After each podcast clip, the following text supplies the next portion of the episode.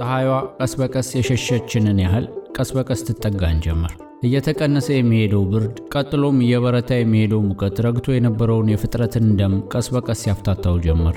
ለመጀመሪያ አንዳንዷ ደፋር ቅጠል ብርዱን ንቃ አንገቷን ብቅ ታደርጋለች። ራቁታቸውን የከረሙት ጭራሮ ቅርንጫፎች ላይ ስትታይ ታስደንቃለች፣ ታስደስታለች። የድል አድራጊው ሕይወት ፊታውራሪ ነች። ታላቅ ተአምር ነች። እንግዲህ ሌሎቹ ቅጠሎች ይከተሏታል። የኤክስ ዛፎች በራቁት ጭራሯቸው ሰማዩን መቧጨር ትተው በለምለም አረንጓዴ ልብሳቸው ይወለውሉታል፣ ያጸዱታል። የኤክስ ጎረምሶችና ኮረዶች መጀመሪያ ካፖርትና ጓንቲያቸውን አወለቁ። ቀጥሎም ሹራባቸውን አውልቀው መሳሳቅ ጀመሩ። አንዳንድ ደፋር አሮጊት ወይም ሽማግሌ ካፖርቱን እንደለበሰ መንገድ ላይ ይታይ ጀመር። ክረምቱ አለፈ። ጸደይ መጣ። የኤክስ ልጃገረዶች ከባድ የክረምት ልብሳቸውን ጥለው ክረምት ያለበሳቸውን አስቀያሚ ነጭ የጎሽ ፀጉር አራግፈው የተፈጥሮ ውበታቸውን አመጡ። ፀጉራቸው ጭንቅላታቸው ላይ ተቆልሎ ወይንም ወደ ኋላቸው እየፈሰሰ ቆዳቸው ልስልስ ብሎ የጽጌሬዳ ቀለም እየለበሰ በቀይ ከንፈሮቻቸው የተከበበ ጥርሳቸውን በፈገግታ እያብለጨለጩ ተሸሽጎ የከረመው ወጣት ቅርጻቸው እየፋፋ ሹል ጡታቸው ከፊት እየተንቀጠቀጠ ያበጠ ዳሌያቸው ከኋላ እየተወዛወዘ ይሄ ሁሉ የጸደይን መልካም ብርሃን ለብሶ በየመንገዱ እየተዘዋወረ የኤክስን ጎረምሶች ምራቃቸውን ያስውጣቸው ጀመር። በብርድ ተኮራምተው የከረሙት ኮረዳዎች አሁን በሙቀት ይዝናኑ፣ እየተጯጯሁ በየሳሩ ሜዳ ይፈነጩ ይንከባለሉ ጀመር። ከጎረምሶቹ ጋር ልፊያና መተቃቀፍ ተጀመረ። ሽማግሌዎቹና አሮጊቶቹ እየወጡ የኩር ሚራቦን የመናፈሻውን አግድም ወንበሮች ሰፈሩባቸው። እርጅና ከወጣትነት ጋር እየታከከ የኤክስን መንገዶች በጎባጣ ጨምዳዳ እርምጃቸው ይንፏቀቅባቸው ጀመር። የክረምቱ ብርድ ገድቦ ይዞት የነበረው ታሪካችን አሁን በጸደይ ሙቀት እንደገና መፍሰስ ጀመረ። ጸደይ ለኤክስ ብርሃንና ሙቀት ከአረንጓዴ ቀሚስ ጋር ይዞላት ሲመጣ ለተካ ችግር ይዞለት መጣ። ባለሙስታሿ ጀርመን ታስቸግረው ጀመር። ከአንድ የአገሯ ልጅ ጋር መውጣት አመጣች። ተካ ምን ትሸረሙጫለሽ አላት። መሸርሞጥ አይደለም ማማረጥ ነው አለችው። እና የትኛችን ይሻልሻል አላት። በአንዳንድ ነገር እሱ ይሻላል፣ በሌላ ደግሞ አንተ ትሻላል አለችው። ተካን ቅናት ይሞረሞረው ጀመር። ጥፍሩን እየነኮሰ አሁን እኮ ምን ይሻለኛል ባክ አለኝ። ትወዳታለህ አልኩት። አዎ ብዙ ነገር ይገባታል። እሷስ ትወዳለች? አዎ እንግዲያው አግባታ።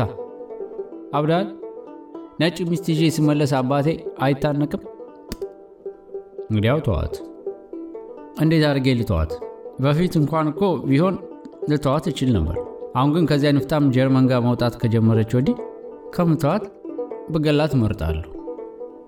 የአበሻ ምቀኝነት ነው አልኩት። አይደለም አለኝ። ታዲያስ? ስለ ቅናት አታውቅም እንዴ? እንዲያው ልንገርህ፣ አየህ ስትቀና ልጅቱ በኃይል ትጠላታል። ብትገላት ፈቃድህ ነው። ግን በዚህ ዓለም ላይ ምን ትፈልጋለህ ቢሉ እሷን ነው የምትፈልገው። ሁሉ ነገር ይቅርና እሷ ትምጣ። ገባህ እምልህ? ለምሳሌ ለመጀመሪያ ጊዜ ከእሷ ጋር የወጣሁ ጊዜ ቤቷ ወሰድኳትና አንድ ጥፊ አላስኳት። ወዳ እስክትጠላ ልደበድባት ቆርጬ ኮቴን አወለኩ። ታዲያ ዳግመኛ ጥፊ ላወርድባት ስል savage አፍሪካ ውስጥ ያለ መሰለ አለች። እንደቃጣሁ ቀረው። ዳግመኛዋን ጥፊ እንደማውረድ አቅፌ ሳምኳት። ስትፍጨረጨር በጉልበት ሙታንቲዋን ቀዳድጄ በታተንኩት። ወደ አልጋው እንኳን እስክትወርድ አላስቻለኝም። እዚያው ምንጣፍ ላይ ተገናኘዋል። እንደ ጨረስኩ ታዲያ በኃይል ቀፈፈች። እዚያው ወለል ላይ እንደተጋደመች ትቻት ሄድኩ። ይሄ ከሁለት ሳምንት በፊት ነበር። ከዚያ ወዲህ እንግዲህ የእኔ ኑሮ መቃጠል ሆኗል። ሰውየውን ተየው አልካት አልኩት። አዎ እንዴት ትተዋለሁ? ለአንተ ብዬ እንዴት እሱን ልተወው? አንተ ልትተኛኝ ነው የምትፈልገው፣ እሱ ሊያገባኝ ነው የሚፈልገው። ባይሆን ለእሱ ስል አንተን እተውሃለሁ እንጂ እሱን አልተወው ማለት። ምን አልካት? አንድ ሁለት ጥፊ አላስኳት። ስታለቅስ ተኛዋት። እንዲህ ከቀጠልክ ትተውሃለች አልኩት። ተሳስታል። በጥፊ መትቼ በጉልበት ስደፍራት በኃይል ነው ፍቅር የሚጥማት። እንዴት ታውቃለህ? ከሁኔታው ያስታውቃል። ዋ ጥፊው ቢቀር ይሻላል አልኩት። አይገባም፣ ቅናት ገና አላጋጠመም አለኝ። ግን አንድ ነገር ገብቶኛል። ልጅቱ ልታገባው ታጥቃ ተነስታለች። ክረምት አልፎ ጸደይ እንደገባ በፋሽስቶችና በኮሚኒስቶች መካከል ትልቅ አምባጓሮ ተነሳ። አምስት ስድስት ፋሽስቶች የሆኑና አንዱን ኮሚኒስት ይዘው ይደበድቡት ጀመር። ኮሚኒስቶቹ ተማሪዎች እጃቸው ወይም ራሳቸውን በፋሻ ጠምጥመው ይታዩ ጀመር። ፋሽስቶቹ ወንድ ሴት ሳይሉ ያገኙትን ተማሪ መደብደብ ሆነ። አንዷን ልጅ አራት ጎረምሶች ተያይዘው ደበደቧትና የአፍንጫዋን አጥንት ሰበሩት። ሆስፒታል ተኛች። ኮሚኒስቶቹ ከባድ የብረት መሳሪያ፣ አጭር የብረት ዱላ ወይንም ይህን የመሳሰለ ነገር እጅጌያቸው ውስጥ እየደበቁ ሶስት አራት ሆነው መዞር ግድ ሆነባቸው። ጩቤ ወይም ሽጉጥ እየያዙ የሚዞሩም ነበሩ። ባህራምን ልጠይቀው ትምህርት ቤቱ ሄድኩና የሆነውን ሁሉ አጫወትኩት። አብሮኝ ወደ ኤክስ መጣ። የነገርኩት ወሬ ደስ ያለው ይመስላል አልኩት። ለኮሚኒስቶቹ አዝንላቸዋለሁ፣ ግን ጥሩ ነው፣ ይጠቅማቸዋል። ለአምባጓሮ በቂ ዝግጅት የላችሁም እያልኩ ስጨቀጭቃቸው ነበር። ፈረንሳይ ሀገር አምባጓሮ አይሰራም፣ በጽሑፍና በንግግር የሰውን ሀሳብ ማናወጽ ነው የሚያስፈልገው ሲሉኝ ነበር። ብቻ የራሳቸው ጉዳይ ነው። የፈረንሳይ ሕዝብ ወሬ ያበዛል። ስራ፣ ጀብዱ፣ action ስትለው በቄንጠኛ ሰዋሰው ስለ art ሊያወራልህ ይጀምራል። ተዋቸው እነሱ። እኔን ያስደሰተኝ ሌላ ነገር ነው። ምንድን ነው? ረብሻ ውስጥ ከገባሁ ዓመታት አለፉ። ናፍቆኛል። በተጨበጠ ቀኝ እጁ ግራ መዳፉን እየወቀጠ አምባጓሮ ናፍቆኛል አለ። እንግዲህ ኤክስ ውስጥ ኮሚኒስቶች የሚያዘወትሩት አንድ ካፌ አላቸው። ሮያሊስቶቹ አንድ ሌላ ካፌ ያዘወትራሉ። ሮያሊስቶቹ ፈረንሳይ ውስጥ ንጉሥ ለማንገስ የሚፈልጉ ናቸው። ወንድ ለወንድ የሚዋደዱት አንድ ካፌ አላቸው። ፋሽስቶቹም የራሳቸው ካፌ አላቸው። ኤክስ እንደገባን ባህራም ፋሽስቶቹ ካፌ ወሰደኝ። ቢራ፣ ቡና እየጠጡ በየጠረጴዛው ዙሪያ ያወራሉ። አብዛኞቹ ጺማቸውን በቄንት ያስተካከሉ ወጣቶች ናቸው። በጣም ያምራሉ። እኔና ባህራም መውጫ በር አጠገብ ያለች ጠረጴዛ ጋር ቁጭ ብለን ቢራ ጠጥተን ሂሳቡን ከከፈልን በኋላ ባህራም ምንም ቢመጣ ምንም ከተቀመጥክበት እንዳትነሳ አለኝ። ምን ልታደርግ ነው ስለው ታያለህ አለኝ። ተነሳና ወደ ሽንት ቤቱ በኩል መራመድ ጀመረ። አንዱ ጎረምሳ ፋሽስት ከሽንት ቤቱ ሲመለስ ነበር። ባህራም ገጨው። ፋሽስቱ ሳያስብበት በልማድ pardon ብሎ ሊያልፍ ሲል ባህራም አንተ ብሎ ጮኸበት። ፋሽስቶቹ ወሬያቸውን አቆሙ። ካፌው በሙሉ በጸጥታ ባህራምን ማየት ጀመረ። የገጨው ፋሽስት ወደ ባህራም ዞሯል። ባህራም ለምን ገጨኸኝ አለው። ፋሽስቱ አንተ ነህ እንጂ የገጨኸኝ አለው። ውሸታም ፋሽስት፣ ውሻ ፋሽስት፣ ፈሪ ፋሽስት፣ ወንድ ከሆንክ ተከላከል፣ ልገርፍ ነው አለና ዘሎ ትግል ያዘው። የፋሽስቱ ጀርባ ወደ እኔ ስለነበር ባህራም ምን እንዳደረገ ለማየት አልቻልኩም። ብቻ ምንም ያህል ሳይታገሉ ፋሽስቱ ፍስስ ብሎ ወደ መሬት ወደቀ። ባህራም ከበላዩ እንደቆመ ዙሪያውን ተመለከተ። ከፋሽስቶቹ ማንም አልተነሳም። ባህራም ፋሽስቶቹን እያየ ማንም ፋሽስት እንዲገጨኝ አልፈቅድለትም፣ ከእንግዲህ ሌላ ፋሽስት የገጨኝ እንደሆነ ጺሙን ነው ምላጭለት አለና የወደቀውን ፋሽስት ተሻግሮ ወደ እኔ መጣ።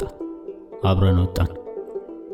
ፋሽስቶቹ እኔን ሌላ ጊዜ ሲያገኙኝ ይደበድቡኝ ይሆን ብዬ ትንሽ ፈራሁ። ግን ደፍረው ጥቁር ተማሪ የሚደበድቡ አልመሰለኝም። ምክንያቱም እኛ የፈረንሳይ መንግስት እንግዶች ነን ማለት ነው። ባህራም ኤክስ ውስጥ አራት ቀን ቆየ። ቀን ቀን ኮሚኒስቶቹን ሲመክራቸው እንዴት አድርገው መከላከል እንዳለባቸው፣ ጽሑፎቻቸውን እንዴት ቢያሰራጩ እንደሚሻላቸው እና ይህን የመሰለ ነገር ሲነግራቸው ይውላል። ማታ ማታ ፋሽስቶቹን በየጠባቡ መንገድ ሲደበድባቸው ያመሻል። በአምስተኛው ቀን ትምህርት ቤቱ ድረስ ሸኘሁት። ስለ አምባጓሮ ሲነግረኝ ስለ ኳስ ጨዋታ የሚያወራልኝ መስሎ ተሰማኝ። በደስታ እየገነፈለ ማድፈጡን፣ መዝለሉን፣ እጁን እንደ ሰይፍ አርጎ አንገት መምታቱን እንደ ዳንስ አርጎ ገለጸልኝ። ማኑ ይህን ሁሉ ስሰራ አይቶኝ ቢሆን እንዴት ጥሩ ነበር። ያስተማረኝን ብልሃት በሙሉ ተጠቅሜበታል አለ። ደናውን ብዬው ወደ ኤክስ ልመለስ ከኪሱ አንድ ዕቃ አውጥቶ አሳየኝ። የፀጉር መቁረጫ መኪና ቶንዶስ ምንድን ነው አልኩት እየሳቀ ፋሽስቶቹ ካፌ ሄድና እቺ ነገር ኮሚኒስት መሆኗን ትገነዘባለህ ብሎኝ ተለያየን። ኤክስ እንደደረስኩ ፋሽስቶቹ ካፌ ገባሁ። ብዙዎቹ እጃቸውን ወይም ጭንቅላታቸውን በፋሻ ጠምጥመዋል። ግማሾቹ ጺማቸውን ተላጭተዋል። ጺማቸውን ያልተላጩት ደግሞ ጥቁር ቆብ አድርገዋል። ለካ ባህራም አንድ ፋሽስት በደበደበ ቁጥር ወይ ራሱን ወይ ጺሙን ይላጭለት ኖሯል። እኔና ባህራም አንድ ግሩፕ የሆነ ሃራኪራ የተባለ የጃፓን ፊልም አይተን ነበር። እዚያ ፊልም ውስጥ አንዱ ጎበዝ እየዞረ የጠላቶቹን ፀጉር ይላጫል። ባህራም በሄደ በአራተኛው ቀን አንዷ ኮሚኒስት ልጅ ካፌ ቁጭ ብዬ ሳለሁ መጣችና ወደ ኤክስ አንድ ነፍሰ ገዳይ መጥቷል አለች። ማን እንደሆነ ማለቴ የቱ እንደሆነ አናውቅም፣ ግን መምጣቱን እናውቃለን። ፋሽስቶቹ ናቸው ከማርሴ ያስመጡት። ባህራምን እንዲደበደበው ወይ እንዲገለው ነው የመጣው። ፋሽስት ነው አልኳት። አይደለም የተገዛ ነፍሰ ገዳይ ነው አለች። ያን ጊዜውኑ ሲልቪ ቤት ሄድኩ። በአውቶቡስ እንዳልሄድ ምናልባት ፋሽስቶቹ ይከታተሉኛልና ከአንቺ ጋር ለሽርሽር የምንወጣ አስመስለን እንሂድ አልኳት። በመኪና ሄድን። ለባህራም ነገርኩት። ወደ ኤክስ ተመለስን። ሲልቪ ቤቷ ወስዳ እራት አበላችን። ከዚያ ሶስታችንም ሄደን ፋሽስቶቹ ካፌ ገብተን ሁለት ሰዓት ያህል አሳለፍን። ይህን ሁሉ ጊዜ ባህራምና ሲልቪ ያወሩ፣ ይቀልዱ፣ ይስቁ ነበር። እኔ ግን ምንም ያህል አላወራው። ለባህራም ፈርቼለት ነበር። ሰውየው የቱ እንደሆነ ብናውቅ እንኳን ለመከላከል እንሞክር ነበር። አሁን ግን ከማንኛውም አቅጣጫ ጦር ሊወረወርበት በሚችል ጨለማ ውስጥ ባህራም ብቻውን የሚራመድ መስሎ ተሰማኝ። አብሬያቸው ባለማውራቴ የእኔ ፍርሃት ቀስ እያለ ወደ ሲልቪ ተላለፈባት። ፈራው፣ በጣም ፈራው አለች። ባህራም ምን ያስፈራሻል አላት። ግን ድምፁ እንደ ድሮ ልዝብ መሆኑ ቀርቶ ትንሽ ሾሃም ሆኗል። ማን እንደሆነ ወይንም የት እንደሆነ አናውቅም። አንድ ብቻውን መሆኑን እንኳን በእርግጥ አናውቅም። እና አላት። አንድ ነገር ብትሆንስ ብትሞትስ አለችው። እኔ ትቀልጃለሽ። የእኛ ቤተሰብ እኮ እስኪጃጅ ካላረጃ አይሞትም። የእኔ ወንድ አያቴ የአባቴ አባት በዘጠና ሰባት ዓመታቸው ብቻቸውን መካ መዲና ደርሰው መጥተዋል። ታዲያ እንደተመለሱ የቤታችን ጣሪያ ዝናብ ማስገባት ሲጀምር ጊዜ ሊያበጃጁት በመሰላል ወጡ። አበጅተው ሲወርዱ ከመሰላል ወደቁና እግራቸውን ወለም ብሏቸው ሁለት ሳምንት ሙሉ እንዲተኙ ሐኪም አዘዛቸው። ታዲያ ሁለት ሳምንት እንዴት ይለፍ? ውሽማቸውን አፈቀቻቸው እና ገና አንድ ሳምንት ሳይተኙ ሌሊት ጠፍተው ውሽማቸው ቤት ሄዱ። መኝታ ቤቷ በመስኮት እገባለሁ ሲሉ ባልየው በጥይት ልባቸውን አፈረሰላቸው። ከቀበርናቸው በኋላ የኔ አባት አያባባ አያባባ እኛ ያረጀነው ያፈጀነው እያለን አንተ ወጣቱ ተቀጨ ብሎ አለቀሰ። ስንስቅ ሲልቪ በጆሮዬ እኔ ፍርሃቱ አቁነጠነጠኝ፣ ሽንቴ መጣ ብላ ወደ ሽንት ቤት ሄደች። ባህራምን የጃምሽድን የሚመስል ታሪክ ከየት አመጣ አልኩት። ከጃምሽድ ኗ አለኝ። ስማኝ አንድ ነገር አርግልኝ፣ ኒኮልን ፈልግና ጃምሽድ ቤት ውሰድልኝ። ሽጉጥ አለው እሱ፣ እዚያው ትደር እና ነገ በሌሊት ተነስቶ ማርሴ ወይንም ኒስ እንዲወስዳትና ለአንድ ሳምንት ያህል ተደብቀው እንዲቆዩ ንገረው። ቀፈፈኝ። በባህራም ትዕዛዝ ኒኮልን ጃምሽድ ቤት ወስጄ ለጃምሽድ አስረክቤ ለአንድ ሳምንት ሙሉ በጣም ቀፈፈኝ። ግን ምን ለማድረግ እችላለሁ? አንተም ይህን ሰሞን ተጠንቀቅ፣ ማታ ብቻህን አትውጣ አለኝ። ሲጋራ አቀጣጠለ። እጁ ትንሽ ትንሽ ይንቀጠቀጣል። ፍርሃት አሳደረብኝ። ሲልቪ ተመለሰች። ደህና ደሩ ብያቸው ሄድኩ። ኒኮልን ቤት አገኘኋት። ጃምሽድ ቤት ስንሄድ አጣነው። ቤቱ ቁልፍ ነው። ካፌ ዶርቢቴል ሄደን ጠያየቅን። ተካ ጃምሽድና ሉልሰገድ ኒስ ሄደዋል አለን። ኒኮልና እኔ የመጨረሻውን የማታ አውቶቡስ ተሳፍረን ማርሴ ወረድን። አንድ ወሻቃ ቦታ ሆቴል አገኘን። ባለ ሁለት አልጋ ክፍል ተከራየን። ሁለታችንም ለባህራም ሰግተናል። እንቅልፋችን እንደማይመጣ ግልጽ ነበር። አንድ ቆሻሻ ቢጤ ጭር ያለ ካፌ ገብተን ካልቫዶስ እየጠጣን ማውራት ጀመር። ወሬያችን ውስጥ ባህራም ብቅ ጥልቅ ይል ነበር። እየጠጣን እያወራን እየተያየን ሳቃችን እየመጣ እየተሳሳቅን ድንገት ሳቃችንን አቋርጠን በጸጥታ ስንተያይ ኒኮል በሚያስጎመጅ አኳኋን እየቀላች እየቀላች እየጠጣን እያወራን ከአንድ ሰዓት በላይ አሳለፍን። ሰከርን። የተረፈንን ግማሽ ጠርሙስ ካልቫዶስ ከእኛ ጋር ወሰድ ነው። ሆቴላችን ሄደን እንዳንተያይ መብራቱን አጥፍተን ልብሳችንን አውልቀን ወደ የአልጋችን ገባን። እኔ እንቅልፍ ሊወስደኝ አልቻለም። ሰክሬ ኒኮል እዚያ ክፍል ውስጥ ተጋድማ እንዴት እንቅልፍ ይውሰደኝ አስብ ጀመር። ልዑል ሰገድ ቡና አይነት ቢራ እየጠጣ ስለ እሷ የነገረኝ ሁሉ አሁን ይታየኝ ጀመር። በሮዝ ቀለም የተከበበች ቡና ወይን ጠጅ ጨረቃ፣ ነጭ ሞቃት ሰማይ መሃል የኒኮል ጡት፣ ወተት ጭኖቿ መሃል በወርቃማ ጭራሮ የተከበበ ነበልባል። ይሄ ሁሉ ከእኔ አራት እርምጃ ብቻ ርቆ አልጋ ውስጥ ተጠቅልሎ ቅዱስ ብልግናዋን ተከናንቦ ይጠብቀኛል። አሁን ቀስ ብዬ ሄጄ አልጋ ውስጥ ብገባ እንደማታባረረኝ እርግጠኛ ነበርኩ። ውሃ አረንጓዴ አይኖቿ ብዙ ነገር ነግረውኝ ነበር፣ ግን መሄድ አልቻልኩ። በጓደኝነት አላምንም፣ ግን ባህራም እዚያ በሞትና በሕይወት መካከል እየተራመደ እኔ እንዴት የእሱን ሴት ብነካበት ከዚያ በኋላ ራሴን ማክበር እችላለሁ? ግን ያችን የመሰለች ሴት እንዴት ልልቀቃት? ይሄን ሁሉ ጊዜ ስመኛት ቆይቼ ዛሬ ድል አጋጥሞኝ ሳገኛት እንዴት ልልቀቃት? ደሞስ ባህራም ለእኔ ምኔ ነው? በጨለማው የምኞት ፍም እየጠበሰኝ ስገላበጥ ተኝታል አለች። የለም እኔ ፈራው፣ ብቻዬን እዚህ ፈራው። ነይ ወዲህ። በጨለማ መታ አልጋዬ ውስጥ ገባች። ስስ ውስጥ ልብሷ አልፎ ሙቀቷ ነካኝ። በኃይል ተጠጋችኝና ሰውነቷ ከላይ እስከታች እየተንቀጠቀጠ ፈራው፣ እኔ ፈራው አለች። አይዞሽ ማንም አይነካሽ። ለራሴ አልፈራውም እኮ አንተ እያለ ምን ያስፈራኛል?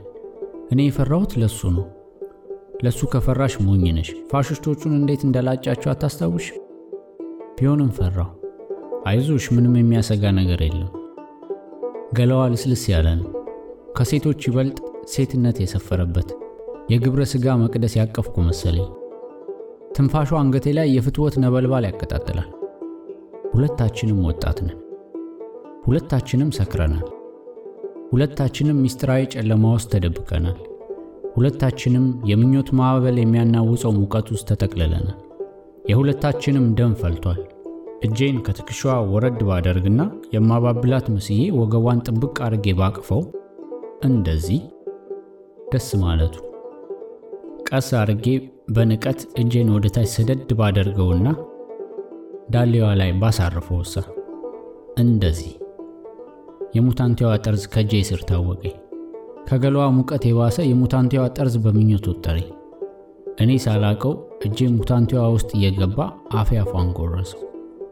የት እንደሆንኩና ማን እንደሆንኩ ረሳው። በመርሳቴ ፈገግታ ላይ የባህራም ፈገግታ ብልጭ አለ። እጄን ከሙታንቴዋ አወጣውና አፌን ካፏ እያላቀቅኩ በሹክሹክታ ደግ አይደለም አልኳት። አዎ ደግ አይደለም አለችኝ። እሷም በሹክሹክታ ግን እኔ በጣም ፈልግሻለሁ። አንቺን ፈልገሽኛል አይደል? አዎ። ምን ይሻላል? እኔ እንጃ። እኔ በበኩሌ ልተውሽ አልችልም። ዝም ዝም ደግሞ ልተውሽ አልፈልግም። አንቺን መተው ራስን መኮነን ነው። ዝም ምን ይሻላል? ምን ይመስልሻል? እኔ እንጃ። ባስገድድሽስ? ማስገደድ አያስፈልግም። እስከ ዛሬ ድረስ ያንቺን ያህል ያማረችኝ ሴት አጋጥሞኝ አያውቅም። ደግሞ እስከ ዛሬ ድረስ ሴት አግኝቼ ለሌላ ሰው ስል ትቻት አላውቅም። ዛሬ ግን እንዴት ልበልሽ? ይገባኛል። ምንም ማድረግ አያስፈልግም። አሁን ሁለታችንም የማናምንበትን ነገር ብናደርግ በኋላ ይቆጨናል። ግን እምቢ እንድትይኝ አልፈልግም። ምን ይሻላል? እንጃ። መብራቱን አብርተን የተረፈንን ካልቫዶስ እየጠጣን ብናወራስ? በመብራቱ እየጠጣን እያወራን ምን ያህል እንደቆየን አላስታውስም። እንዲያውም ከዚያ በኋላ ምን እንዳደረግን ወይንም ምን እንደተባባልን የማስታውስ አይመስለኝም። ብቻ ከአንድ ዓመት በፊት እንዳየሁት ህልም ሆኖ ትዝ የሚለኝ አንድ ነገር አለ። ጠርሙስ ውስጥ የቀረውን መጠጥ ከጨለጥነው በኋላ ራሴን ደረቷ ላይ ያንተራስኩ ይሄ ጡት መያዣሽ ይቆረቁረኛል አልኳት። ቆይ ላውልቅል ብላ አውልቃ እንደገና ራሴን ደረቷ ላይ እያንሸራተተች ጡትሽ እንደ ሞቃት ሰማይ ነው ሰማዩ ላይ በጽጌሬዳ ብርሃን የተከበበች ወይን ጠጅ ጨረቃ አለች አልኳት። ውሸታም መቻየው አለች። ማየት የለብኝም አልኳት። አሁን ዝም ብለተኛ አለች። ከዚያ ወዲያ ምንም አላስታውስ። በነጋታው ከሰዓት በኋላ ወደ ስምንት ሰዓት ላይ ስነቃ ኒኮል ደረቴን ተንተርሳ ተኝታለች። ኒኮልን ቀሰቀስኳት። ደህና ነሽ አልኳት። ደህና አፈርኩ። ሳናቀው የማንፈልገውን ነገር ሰራን እንዴ አልኳት። የለም ጎሽ። ኒኮልን ምሳ አብልቼ አንድ ልብ ወለድ መጽሐፍ ገዛሁላትና ሆቴል ክፍላችን ትቻት ወደ ኤክስ ሄድኩ። ሲልቪ ቤት ስገባ አልጋው ላይ ተጋድማ ሲጋራ እያጨሰች ሙዚቃ ትሰማለች። የአይኖቿ ቆዳ እንደ መጥቆር ብሎ የታችኛው ቆዳ አብጧል። ምን ሆነሻል አልኳት። ሌሊቱን አልተኛውም። ለምን? ባህራም የት ነው ንገሪኝ። ቆይ በደንብ ልንገር አንተ እንደሄድክ ትንሽ ቆይተን እኔና ባህራም ከካፌ ወጣን። እያወራን ባህራምም አንዳንድ ጊዜ ግልመጥ እያለ ወደ ኋላ ይመለከታል። እኔን እንዳልገላመጥ ከለከለኝ። ጨለማው አስፈራኝ። የመንገድ መብራቶቹ በቂ ብርሃን አይሰጡም። አይዞሽ ይታየኛል፣ ምንም ሊያረገን አይችልም አለኝ። ማን እንደሆነ አውቃል አልኩት። አይዞሽ። አንድ ብቻውን ነው? አዎ አይዞሽ፣ በጭራሽ አትስጊ። ብቻ እኔ የሚልሽን ያለማመንታት አድርጊ እሺ አይዞሽ እንግዲህ መንገዱ እዚያ ሶስት ትልልቅ ጥዶች ያሉበት ቦታ ሲደርስ ይጠመዘዝና አንድ 50 ሜትር ሄዶ እንደገና ይጠመዘዝ የለ መጀመሪያውን መጠማዘዣ እንደዞርን ሩጪ አለና በላይኛው ክንድ ያንጠልጥሎ በኃይል አስሮጠኝ። ሁለተኛው መጠምዘዣ እንዳለፍን ቆምን። ከመንገዱ ገለል አድርጎ አቆመኝና እሱ ከኪሱ ቆብ አውጥቶ ራሱ ላይ ደፍቶ ኮቱን አውልቆ ለእኔ ሰጥቶኝ መንገዱ መሃል ቆመ። ወደ መጣንበት መንገድ ይመለከታል። እኔም እመለከት ጀመር። ለብዙ ዓመታት እንደዚህ ቆመን የቆየን መሰለኝ። ሰውየው ድንገት ከመጠማዘዣው ብቅ አለ። ባህራም ወደ ኋላው ማለት ሰውየው ወዳለበት በኩል ይሄድ እጁን ወደ ኋላው በኩል ማራገቡን አብቅቶ በቀጥታ ወደ ሰውየው ተራመደ እያፏጭ። ሰውየው እጁን ኪሱ እንደከተተ ወደ ባህራም ይመጣል። አጠገብ ለአጠገብ ሲደርሱ bonjour አለው። bonjour አለ ሰውየው። ጎን ለጎን ደረሱ። ሊተላለፉ ሆነ። ባህራም እንደሚደንስ ሰው ወደ ሰውየው በኩል ዘለለና በእጁ ሆዱን ነካው መሰለኝ። በቂ መብራት ስላልነበረ በቅጡ አልታየኝም። ሆዱን ከነካው በኋላ አንዲት ሰከንድ እንኳን ሳታልፍ ዘሎ የሰውየውን ማጅራት በሌላ እጁ መታው። ሰውየው ወደፊት ታጠፈ፣ ወደቀ። ባህራም እየጎተተ ከመንገዱ ወደ ዳር ወሰደው። ሁለቱንም ጨለማ ዋጣቸው። እዚያው እንደ ቆምኩ ቀረው። ጨለማው ከቦኛል። አሁን ያየሁት አንድ ሰው ሌላውን ሰው ሲጎዳው ነበር? በጭራሽ አይመስልም። ሁለት ቅርጾች ከልዩ ልዩ አቅጣጫ መጥተው ተነካኩ።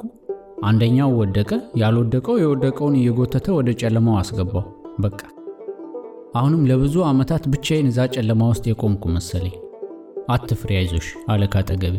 ነጠርኩ። አይዞሽ እኔ አለኝ። ባህራም ነው። ለምን እንደሆነ እንጃ በሄደበት መንገድ ይመለሳል ብዬ ስጠብቅ፣ እሱ ግን በጨለማው በኩል መጥቷል። ኮቱን ከኔ ወስዶ ለበሰና ቆቡን አውልቆ ኪሱ ከተተ። በጨለማው ትንሽ ከተራመድን በኋላ ወደ ባቡር መንገድ ገባን። እግሬ ላይ ብርድ ተሰማኝ። ለካ ሳይታወቀኝ በፍርሃት ሽንቴ አምልጦ ይኖሯል። እዚህ ከደረስን በኋላ ገደልከው አልኩት። የለም አለኝ። ግን እንደገደለው እርግጠኛ ነኝ። በጩቤ ነው የገደለው እና ሌሊቱ ልተኛ አልቻልኩ። ሲልቪ ዝም አለች። እኔም ዝም አልኩ። ፓሪስን በጸደይ አይተሃት ታውቃለህ? አለች። የለም፣ በጣም ውብ ናት። ለአንድ ሁለት ሳምንት ብንሄድ ምን ይመስላል? መቼ? ዛሬ። ዛሬ አልችልም። ምዕራፍ ግማሽ ላይ ነኝ። ብትፈልጊ ከአንድ ሳምንት በኋላ እንሂድ። ባኞች ሙቆሃለሁ። ገላይን ታጥቤ ከባኞ ልወጣ ስል የወንድ ድምፅ ከሲልቪ ጋር ሲነጋገር ሰማሁ። ልብሴን ለባብሼ ወደ መኝታዋ ስገባ ባህራም አልጋዋ ላይ ቁጭ ብሎ ሳንዱች እየበላ ቀዩ አይን ይጠጣል። ሰው የገደለ ሰው አይመስልም። ግን ሰው የገደለ ሰው ምን እንደሚመስል አላውቅም። ኒኮል የት እንዳለች ነገርኩት። ሲልቪ ተራዋን ልትታጠብ ባኞ ገባች። ባህራም ይቅርታ አርግልኝ፣ አንተ ሲልቪ፣ ኒኮል ለአንድ ሁለት ሳምንት ከኤክስ መጥፋት አለባችሁ። ኒኮልን ወደ ቤቶቿ ወይንም ወደ ሌላ ቦታ ልኬያታለሁ። አንተና ሲልቪ ተስማምታችሁ ወደ አንድ ቦታ ብትጠፉ ጥሩ ነበር። አየ ፋሽስቶቹ የበሰለ አስተሳሰብ የላቸውም። ስለዚህ እኔን መጉዳት ሲያቅታቸው በንዴት እናንተን ይጎዷችኋል። ስለዚህ ንዴታቸው ትንሽ እስኪበርድላቸው ከኤክስ ራቁ ባካችሁ አለኝ። በሹክሹክታ ገደልከው አልኩት። ራሱን በመነቅነቅ አዎ አለኝ። የመጀመሪያ ጊዜ ነው ሰው ስትገል? ሶስተኛ ጊዜ ነው። አንዱን ቤሩት፣ ሌላውን ባግዳድ።